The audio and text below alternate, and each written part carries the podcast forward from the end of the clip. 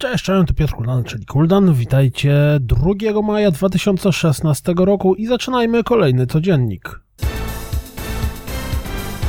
Jeśli bardzo chcieliście zagrać w DC Universe Online, ale nie mieliście żadnej platformy Sony, to zapewne z radością przyjmiecie wiadomość, że tytuł jest już dostępny również na Xboxie One. Battleborn debiutuje w tym tygodniu, więc przyszedł czas na premierowy zwiastun. Shooters gonna shoot i players gonna play brzmią na dość chwytliwe hasła pojawił się nowy zwiastun Hatsune Miku Project Diva X, tym razem prezentujący fragmenty gameplayu. Dla fanów Asian Jam gra najprawdopodobniej stanowiła komy kąsek. No, do budowania hypu pod nowego koda czas zacząć. Pojawił się krótki filmik wprowadzający nas w klimat, którego możemy się spodziewać po tytule.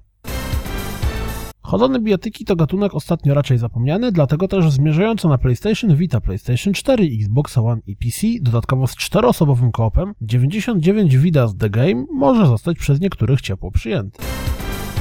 Elite Dangerous Horizons w drugim kwartale 2016 roku pojawi się również na Xboxie One.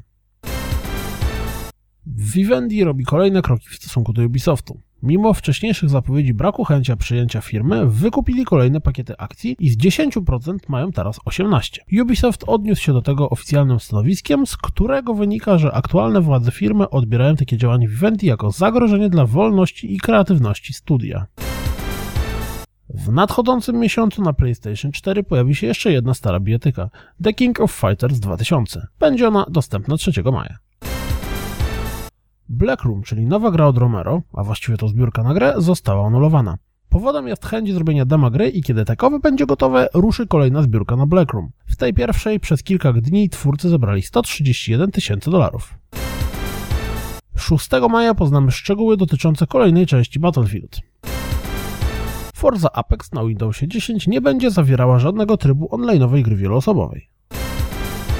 Ruszyły zapisy do bety Stranger of Sword City. Beta ma rozpocząć się 5 maja, więc jeśli liczycie na szczęście, to nie ma co, a trzeba się jak najszybciej rejestrować.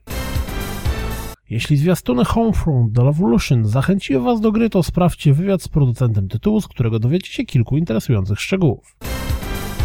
Wild 8 przebił podstawowy próg 50 tysięcy dolarów, ale powiem szczerze, że po obejrzeniu materiału z rozgrywką z prealfy dość mocno się zawiodłem i ostudziłem swój zapał co do tego tytułu. Jeśli graliście w Final Fantasy VII, to na pewno pamiętacie lokację Gold Saucer. Na Game Informerze pojawił się tekst przedstawiający szczegóły powstawania tamtej lokacji. Warto przeczytać.